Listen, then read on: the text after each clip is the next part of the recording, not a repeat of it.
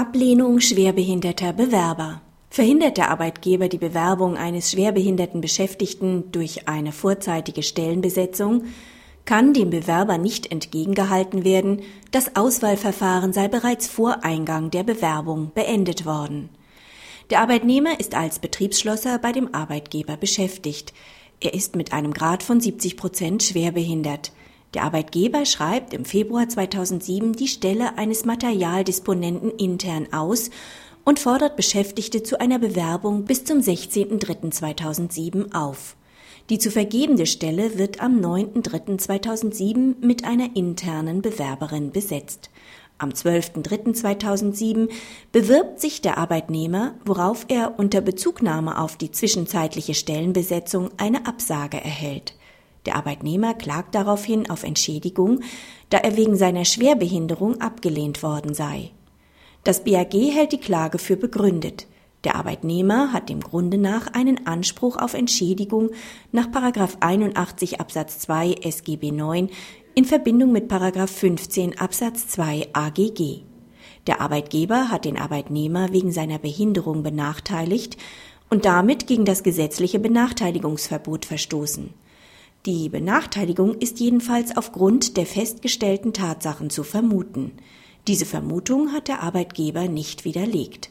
Eine Benachteiligung im Rahmen einer Auswahlentscheidung liegt bereits dann vor, wenn der Beschäftigte nicht in die Auswahl einbezogen und ihm damit die Chance einer für ihn günstigen Entscheidung genommen wird.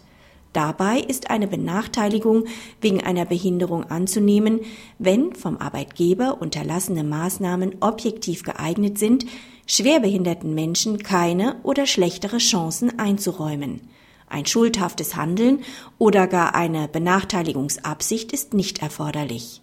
Im vorliegenden Fall hat der Arbeitgeber vor der Stellenbesetzung nicht geprüft, ob der freie Arbeitsplatz mit schwerbehinderten Menschen besetzt werden kann. Er schaltete weder die Agentur für Arbeit noch die Schwerbehindertenvertretung ein.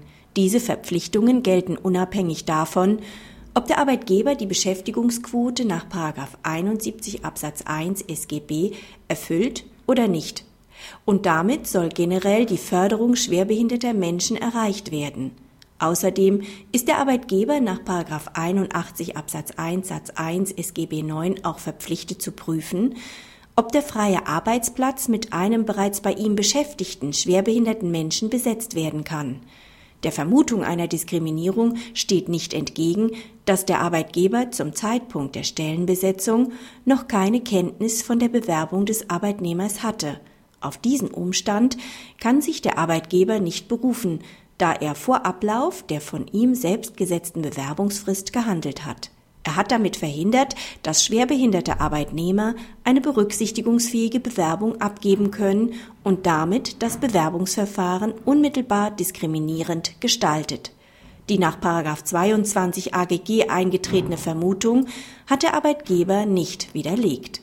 Kritik im Ergebnis ist die Entscheidung nur schwer verständlich, da der Arbeitgeber letztlich für eine Diskriminierung haftet, die ihm mangels Kenntnis der einschlägigen Bewerbung an sich nicht zurechenbar ist. Auslöser für die Verpflichtung zur Entschädigungszahlung ist allein die Nichteinhaltung einer selbstgesetzten Frist. Es erscheint fraglich, ob das Schwerbehindertenrecht oder die im AGG verankerten Diskriminierungsverbote tatsächlich auf eine derart formale Disziplinierung abzielen. Wer ein Bewerbungsverfahren in Gang setzt, muss auch das Recht haben, es gegebenenfalls vorzeitig abzubrechen.